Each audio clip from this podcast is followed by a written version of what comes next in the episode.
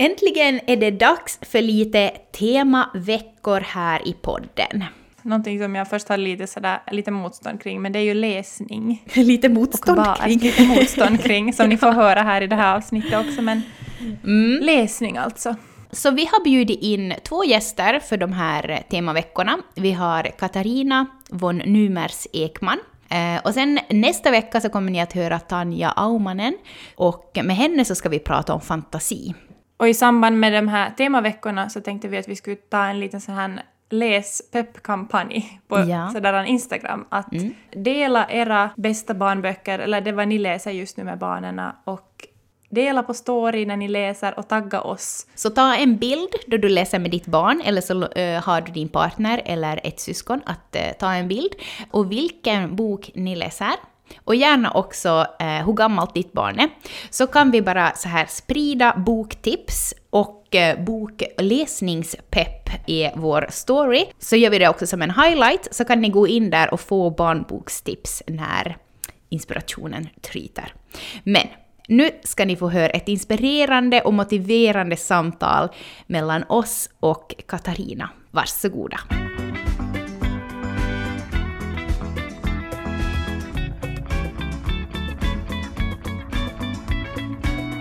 Vill du presentera dig själv lite kort, vad du sysslar med och vad du har för eh, koppling till läsning och barn? Ja, jag har en lång bakgrund som modersmålslärare just nu jobbar jag inte som lärare utan jag är ombudsman på Svenska kulturfonden och jobbar med utbildningsfrågor där. 2014 till 2017 var jag finlandssvensk läsambassadör i ett projekt och åkte runt i, i skolorna i Svensk-Finland och pratade med elever och föräldrar och lärare om läsning. Jag är också barnboksförfattare och läromedelsförfattare. Och sen är jag mamma till tre barn som har fått mycket hög läsning under sin uppväxt. Ja, vi har ju läst eh, med våra barn en av dina böcker, eh, En underbar mamma, så den rekommenderar jag starkt. Eh, ja, men jätteroligt att du vill vara med och, och diskutera lite frågor eh, kring just läsning och barn. Roligt att vara här, det är ett viktigt tema. Så min, min egen bakgrund är den att jag har haft dyslexi, eller har dyslexi, man har väl hela livet, men eh, så läsning har liksom varit någonting som har varit för mig ganska alltså kämpigt. Och jag har inte kanske riktigt, jag har inte njutit av läsning sen jag kanske lärde mig läsa. Då var det som på något sätt så, nej det var så, liksom att upptäcka att man lär sig läsa så var ändå en jättestor glädje för mig, kommer jag ihåg. Men sen liksom så tog det här andra över, att det har varit som jättejobbigt. Så att läsning för mig när jag blev förälder har inte varit, nej det har varit lite som kämpigt. Men, men det vi då funderar när vi skulle göra det, när vi gör det här avsnittet och säga att varför är det så viktigt? att läsa med barn? Den där stora frågan, varför? Varför är det liksom, varför är det viktigt? Det finns ju jättemånga svar på den frågan. Eh, om man, om man ställer frågan till exempel till ungdomar i skolan, att varför är det viktigt att, att läsa, så är svaret nästan alltid att man får ett bra ordförråd. Och det är ju helt sant att man får ett bra ordförråd av att läsa böcker och andra sorters texter. Men det är ju inte alls bara det som det handlar om. Um, vi skulle kunna gå egentligen helt i början av, av barnets liv. Man talar idag om en litterär amning. Och det betyder då det att, att föräldrar uppmuntras läsa och sjunga och hålla på med rim och ramsor och sånt redan under graviditeten. För man vet att, att barnet påverkas av det här och det, det ger en sån grund. Barnet mm, får någon sorts grund för sin språkkänsla och en sån här uppfattning om just språkets melodi och föräldrarnas röster och, och lär sig att förknippa det med, med någonting positivt. Och sen när barnet föds så ska man ju hemskt gärna redan från början då ta som vana att, att läsa högt och leka med språket på olika sätt. Och, och det som det här då gör är förstås att den där liksom, känslan för språket börjar utvecklas genast från början. Eh, men sen lär ju sig barnet också att förknippa läsning och böcker och sånt med någonting som är positivt. Så man bygger upp en sån här bra relation till litteraturen och till språket genast från början. Mm. Så att det inte blir någonting som, som man känner sen att, att man är exkluderad från. Man brukar tala om läsarnas klubb. Och med det menar man de barn som, som känner från början, redan kanske på dagis, att jo, jo, det här med läsning och böcker, det är någonting som, som är bekant för mig och som en, en liksom grej som, som vi sysslar med i vår familj. Men om man inte är med i läsarnas klubb så då kommer man från ett sammanhang där det inte finns böcker och man inte har läst och då kan man uppleva just att, att, att det är någonting som man står utanför. Men det där undviker man genom att, att läsa från början. Och sen, eh, det som den här högläsningen ju också gör är att den liksom stärker relationen mellan barnet och föräldern. För det bästa man kan göra egentligen när man läser för sina barn är att man liksom pratar och samtalar om det som den där boken handlar om. Man pekar på bilderna och man, man funderar tillsammans. Och det blir en gemensam upplevelse som man kan diskutera kring. Uh, och, och det är någonting som både stärker gemenskapen men också förstås lägger en grund för, för läsförståelsen längre fram i livet. Och, och så bygger man ju upp en sån fin samtalskultur, en vana att diskutera och filosofera kring saker och ting. Så bland annat mm. det man hör ju att man kanske kan sjunga för babyn i magen och så här, men att, eh, att riktigt börja läsa för magen och laga rim och ramsor och sådär, att det var någonting nytt för mig. ja, det, det, är intressant det där. Man tror ju att, att det är ingen vits att läsa för en liten baby, för den förstår ja. ändå ingenting. Så, så, finns där ändå just någonting i rytmen och språket och, och, och gemenskapen med föräldern som är otroligt mm. värdefullt. Jag tänkte också när du berättade där om att redan i magen liksom, så där tänker jag att alltså när man får flera barn sen och man sjunger och le, liksom läser och sånt för de här stora syskonen så då får ju på något sätt kanske de automatiskt lite det utan ja. att man ens tänker på mm. det. Men det som jag har tänkt på är just det där att när de har varit riktigt små så det som har varit liksom ganska naturligt och lätt för mig så har varit de här pekböckerna som inte är så mycket text och som är liksom några ord och sådär. Att det är mera nu när det har kommit till att de vill liksom ha långa sagor, de vill lyssna på som, nej men höra mera som djupa och långa sagor. Så det är då som det liksom, mitt motstånd har kommit. Och det var intressant när du sa det där med, med läsarnas klubb. För att det har jag kanske själv känt, speciellt när jag var vuxen, att jag på något sätt inte har hört till den klubben. Sådär, att jag har inte, jag har inte haft den här liksom, jag menar folk är såhär, åh, en, ett glas vin och en god bok liksom. Sådär, uh, alltså, alltså jag har inte haft den där liksom glädjen och lusten i det. Men den vill jag ju att mina barn ska få. Så det är ju på något sätt att jag måste ju jobba med min, mitt motstånd på något sätt och utmana mig själv i det för att kunna ge det. För att om jag aldrig läser med dem längre böcker, om jag aldrig visar att jag har glädje i det så är det ju svårt för dem säkert också att få det, förstår jag ju. Det är klart att, att om man själv har haft det kämpigt med läsande som förälder och inte känt att man har hört till läsarnas klubb så att säga, så, så kan det kännas utmanande. Um, jag tänker att, att man utvecklas ju som läsare också som vuxen, som högläsare. Uh, att om man börjar med de här enkla pekböckerna och, och bilderböckerna och, och försöker att inte liksom um, skuldbelägga sig själv om man stapplar eller så här, att man inte är så kritisk mot sig själv. För barnen njuter ju av den där stunden och, och uppskattar det fast det inte är en professionell uh, högläsare som sitter mm. där i mm. soffan. Det är jättefint om man gör det oberoende. Och om man, jag tänker att kan man på något sätt starta öka den där svårighetsgraden lite långsamt sådär. Att det finns ju så många sorters barnböcker, att om man börjar med pekböcker och sen de här bilderböckerna med lite text och så kanske man kan övergå till bilderböcker med lite mera text. Om de här långa kapitelböckerna känns jobbiga så kanske man kan, kan prova på, på sådana bilderböcker som, där det finns mycket att prata om. Att den där, det, man, det man läser upp är kanske inte en så stor textmassa, men det finns mycket som man kan samtala om med barnet. Att det kunde ju vara en, en väg. Och sen just det där att man, att man liksom kanske inte pratar så mycket där hemma om att, att det är så jobbigt med läsning och så här. Eh, precis som man inte ska säga åt, åt barnen när de kämpar med matteläxan att jo, jo, jag hade nog alltid så svårt med matematiken jag också, utan att försöka ändå, fast man har ett motstånd, att prata positivt. Och sen kan man ju också engagera andra vuxna i barnets liv. Att om det finns mor och farföräldrar eller gudföräldrar eller andra som, som gillar att läsa högt så kan man ju ta med dem i det här.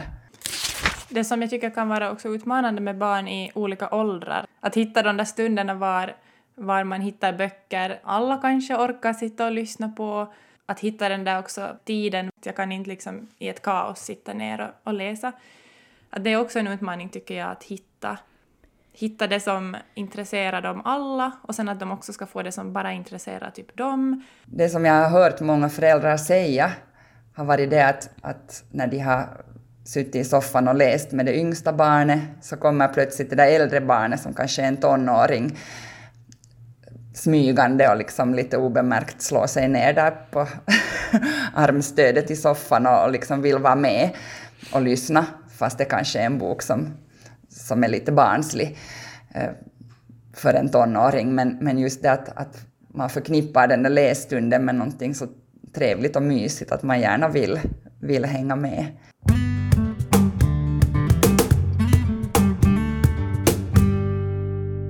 När jag började lyssna på ljudböcker så var det som att en ny värld skulle öppna sig för mig för att jag på något sätt hade, nej men jag hade räknat mig själv bort från att vara en läsare. Och det är det här som också känns lite sådär att får man säga att man har läst en bok när man har lyssnat på en bok? För det är sådär, på något sätt känns det som att det är inte lika bra inom citationstecken att ha lyssnat. Eh, men jag vet för min egen del så jag får ut mycket mer av att lyssna på en bok, just nu i alla fall, och att det är jätteskönt. Och det var just så att det var som en ny, alltså massa möjligheter och en ny värld som öppnade sig. Så i samband med det så, så introducerade jag också ljudböcker. Det började med Busagan. Och barnen tyckte det var jättekul att ligga och rita och, eller le, liksom med lego och sen sitter de och lyssnar eller på kvällen. Men är det lika bra att lyssna på sagor? Jag tycker att man kan säga att man har läst en bok fast man har lyssnat på den, eller det gör jag själv i alla fall. Och inte alls någonting som man ska se som någon, på något sätt sämre. Men eh, det, det, finns vissa saker som den där ljudboken liksom inte kan göra, och det är egentligen det där samtalet. Eller visst kan du ju lyssna tillsammans med barnet på en ljudbok och sen prata om det, men det gör man kanske inte så ofta.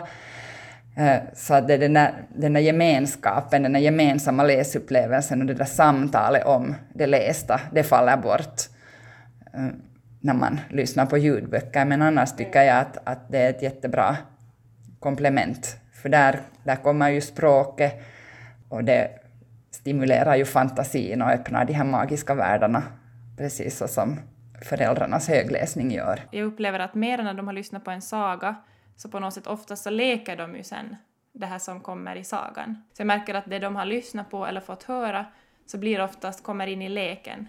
Och det också kanske sådär motiverar mig att läsa ännu mer med dem också, speciellt sådana här, alltså lite svårare böcker som tar upp svåra saker. Liksom svåra känslor och nej men döden speciellt. I början när de började också lyssna på böcker så var jag lite som rädd att är det som för typ jobbiga saker som tas upp i vissa böcker. Jag tänker ju att litteraturen är det allra bästa sättet att ta upp svåra saker. Att, att liksom naturligt komma in på sådana här samtalsämnen kring sånt som, som barnen funderar på. Och just det här med att, att böckerna kommer in i leken, det känner jag jättestarkt igen. Det gjorde mina barn ofta. Jag tänker att, att det är också en orsak till att det är så viktigt att man läser inom småbarnspedagogiken. För då får hela barngruppen samma berättelse och alla vet vad det är frågan om, så att det inte blir så där att, att några barn vill leka utgående från någon film som de har sett och sen har alla andra barn inte sett den och så blir någon utanför. Men om man får den där gemensamma sagan som någon i personalen läser så då, då hänger alla med och vet vad det är frågan om. Mm. Det jag ännu funderar på var det här med läsning för äldre barn, alltså barn som redan läser själv. Eh, vad kan det ha för, liksom, vad kan det leda till för bra saker då man ändå tar sig tiden att läsa med, med de här äldre barnen? Och där tänker jag att barn är ju så väldigt olika. Vissa lär sig att läsa tidigt och, och kan som ganska små redan läsa kapitelböcker och sådär. Eh, men det finns också många barn som har det kämpigt med att knäcka den där koden och få ett flyt i sin läsning. Och då kan det ju bli så där att, att de texter man klarar av att läsa själv är lite för enkla och barnsliga sådär till innehållet. Men om man då genom högläsning får sådana här magiska, spännande, härliga berättelser eh, som någon, någon då läser för en, så då bibehåller man den där positiva eh, inställningen till litteraturen som man kanske har fått som yngre. För annars kan det gå så där att man har tyckt att det är härligt, härligt med böcker när man är under skolåldern och kanske på ettan och tvåan och så kommer man till årskurs tre och så plötsligt krävs det att man ska kunna läsa ganska bra och man kanske har det kämpigt och, och, och den är, det egna läsflytet är inte tillräckligt bra för att man ska komma in i en berättelse ordentligt, utan all energi, allt fokus går till att, att avkoda vad det står. Och om man läser hemskt långsamt så kan det vara så där att, att när man kommer till meningens slut så har man redan glömt vad man läste i början av den. Och då mm. blir det ju liksom ingen läsupplevelse och njutning, utan läsande blir en, någonting som är kämpigt. Men om man då där vid sidan om, medan man utvecklas själv som läsare, får de här berättelserna som är, är på rätt nivå, som tar en till de här andra världarna och, och, och får en att uppleva det där, man uppslukas av en bok, så då, då kanske man är mera motiverad att kämpa vidare med, med sitt läsande. Mm. Ja, men det är ju helt sant, faktiskt.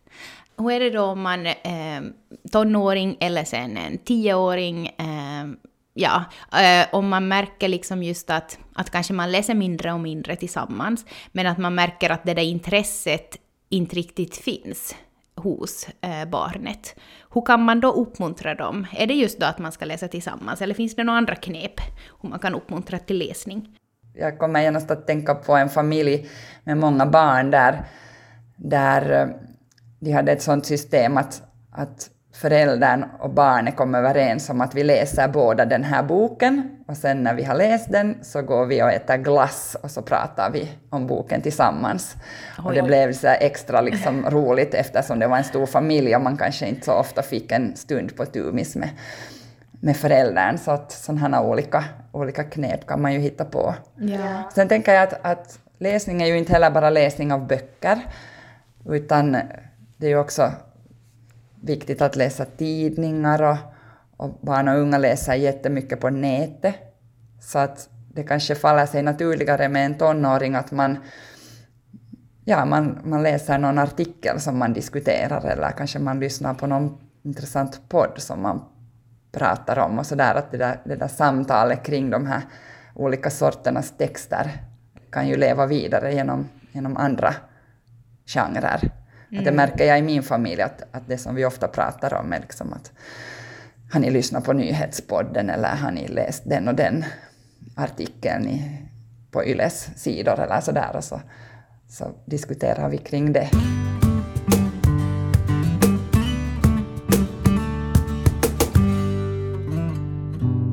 Det är ganska intressant för att det finns sån här hjärnforskning som har visat att eh, om man läser på nätet och scrollar och hoppar hit och dit och så där så blir det ju en sån här lite splittrad, liksom fragmentarisk läsning. Eh, och det liksom aktiverar en annan del av hjärnan än då man läser en bok mm. som blir en sån här lång och liksom mera djup läsning. Eh, och det säger de här hjärnforskarna att, att framtidens vinnare är de som liksom kan läsa på båda sätten. För det är klart att vi kan inte sitta liksom vid skärmen och djupläsa allt som kommer emot oss. Det är helt omöjligt. Vi behöver mm. den där förmågan att, att liksom skumma igenom och läsa rubriker och liksom hoppa hit och dit sådär som, som vi ju gör så mycket när vi läser på våra telefoner och, och datorskärmar. Och därför är det också så viktigt att högläsa berättelser för barn när de är små, för det lägger liksom grunden för den där långsamma djupläsningen. Och det är den som kanske är lite hotad idag. Att vi tränar liksom våra hjärnor i den där snabba, splittrade, eh, hoppiga läsningen.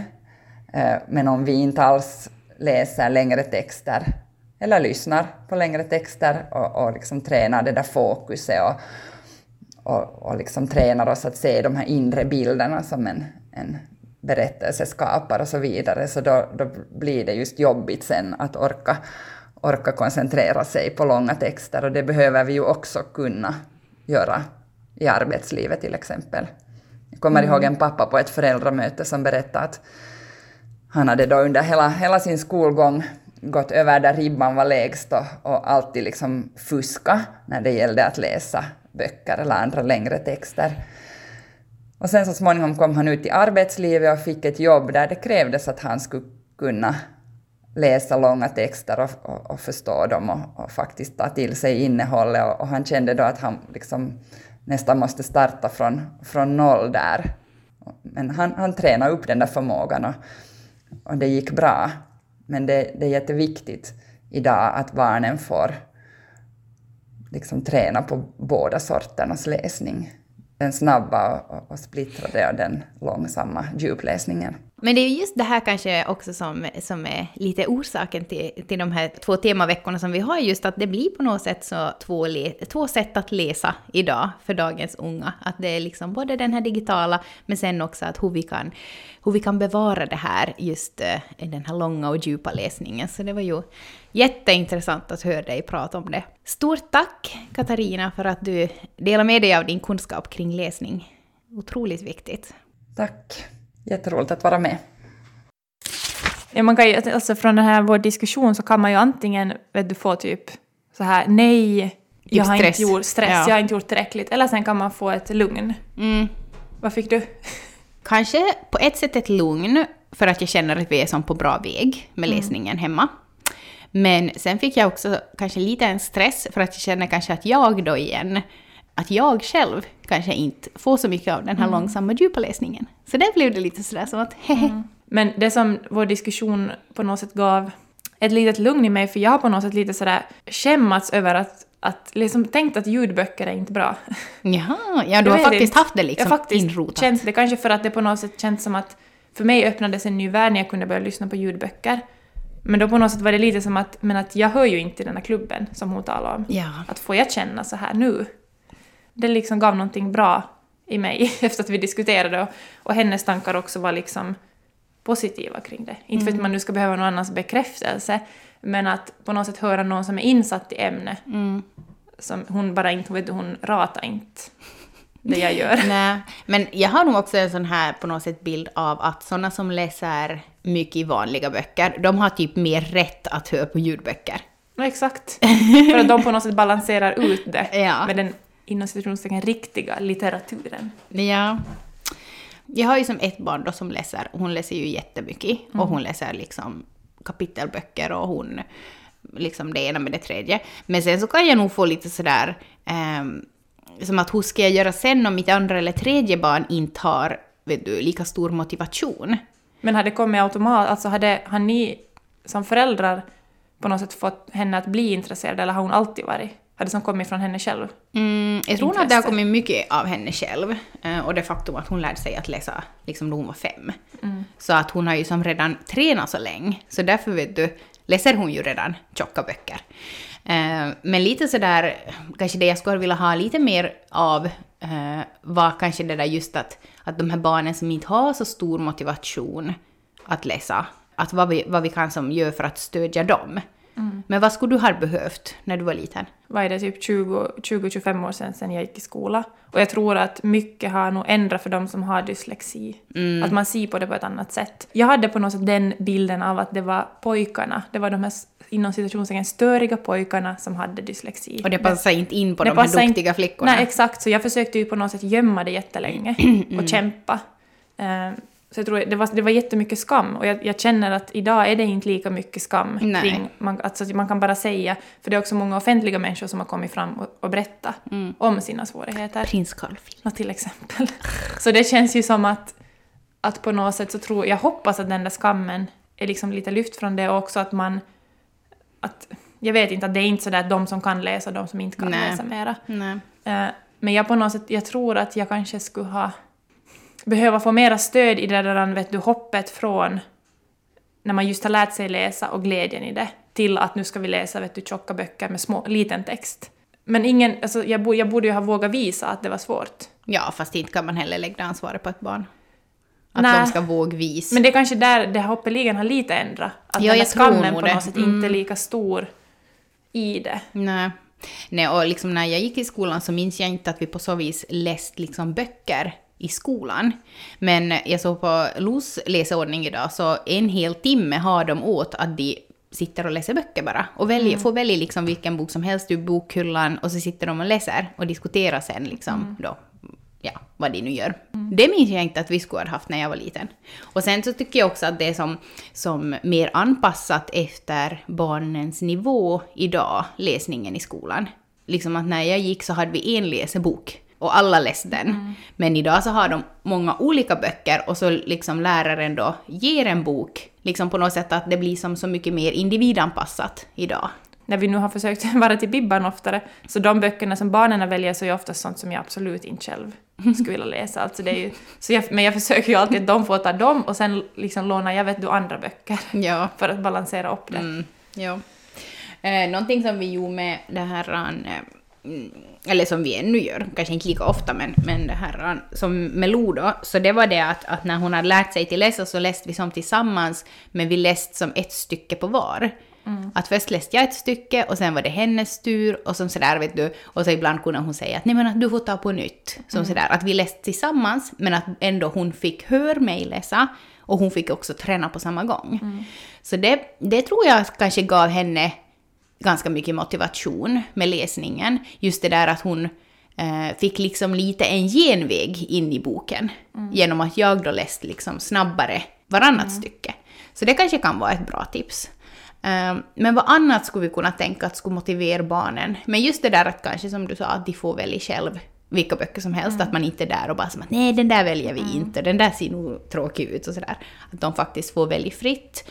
Ehm, och sen kanske just att man har att man ibland lagar en liksom läshörna där hem och det är som en jotto kring läsningen. Att se typ på fredagsfilm eller något, fredagsmys är ju oftast väldigt sådär positivt betingat. Mm. Så jag tänker på något sätt lite försöka, eller min tanke efter vårt samtal var att försöka ta med det för min egen del också i Mm. läsningen, så det inte känns som att det liksom är jättejobbigt. Eftersom att det kom fram också under diskussionen hur på något sätt viktigt det är för barnen ändå att läsa, att få både den där djupa läsningen och sen att liksom det här, det får de, tänker jag, ganska gratis, det här med att läsa som på telefon och på dator och sånt, Mm. Ja. det kommer ju. Men också att tänka att, att allt, jag måste tänka att allt ansvar inte ligger på mig, utan att det är också deras pappa, de har just de har mormor, farmor, de har och det är skola, det är dagis, det är förskola, det är allting. Att allt ansvar ligger inte på mig, att det nu är som att, att det är jag som ska liksom... Jag vet inte. Ja men typ få dem motiverade att läsa. Exakt. Nej precis, att man måste ju som hjälpas åt. Ja.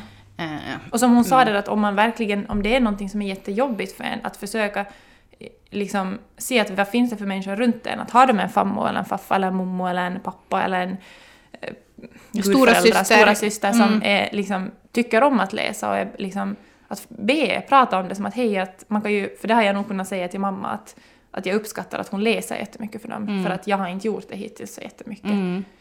Att det, just som att man är ju inte ensam i det, som i någonting annat heller. Nej. Och nu är det ju så att alla människor är olika och man har mer glädje av vissa saker.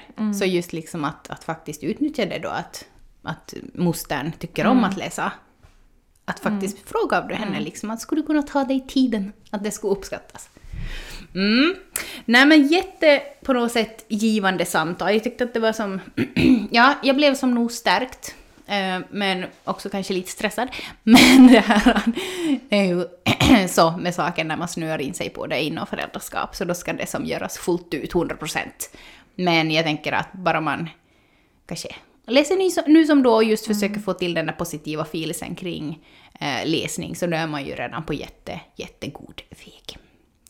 Nästa vecka hörni så har vi med oss författaren Tanja Aumanen och med henne så ska vi prata om fantasi. Hur kan vi stärka våra barns fantasier och eh, hur hjälper vi dem kanske omedvetet i deras fantasier ibland? Till exempel i Bibban då man säger nej, han är boken tar vi inte. När det är sådana här Disney-böcker som är bara ut, vet du, printade texten från filmen. Alltså nej. Nej. Ja, ja. hörni, och hörni, kom ihåg förresten vår eh, lilla kampanj på Instagram. Tack och adjöss! Hej då!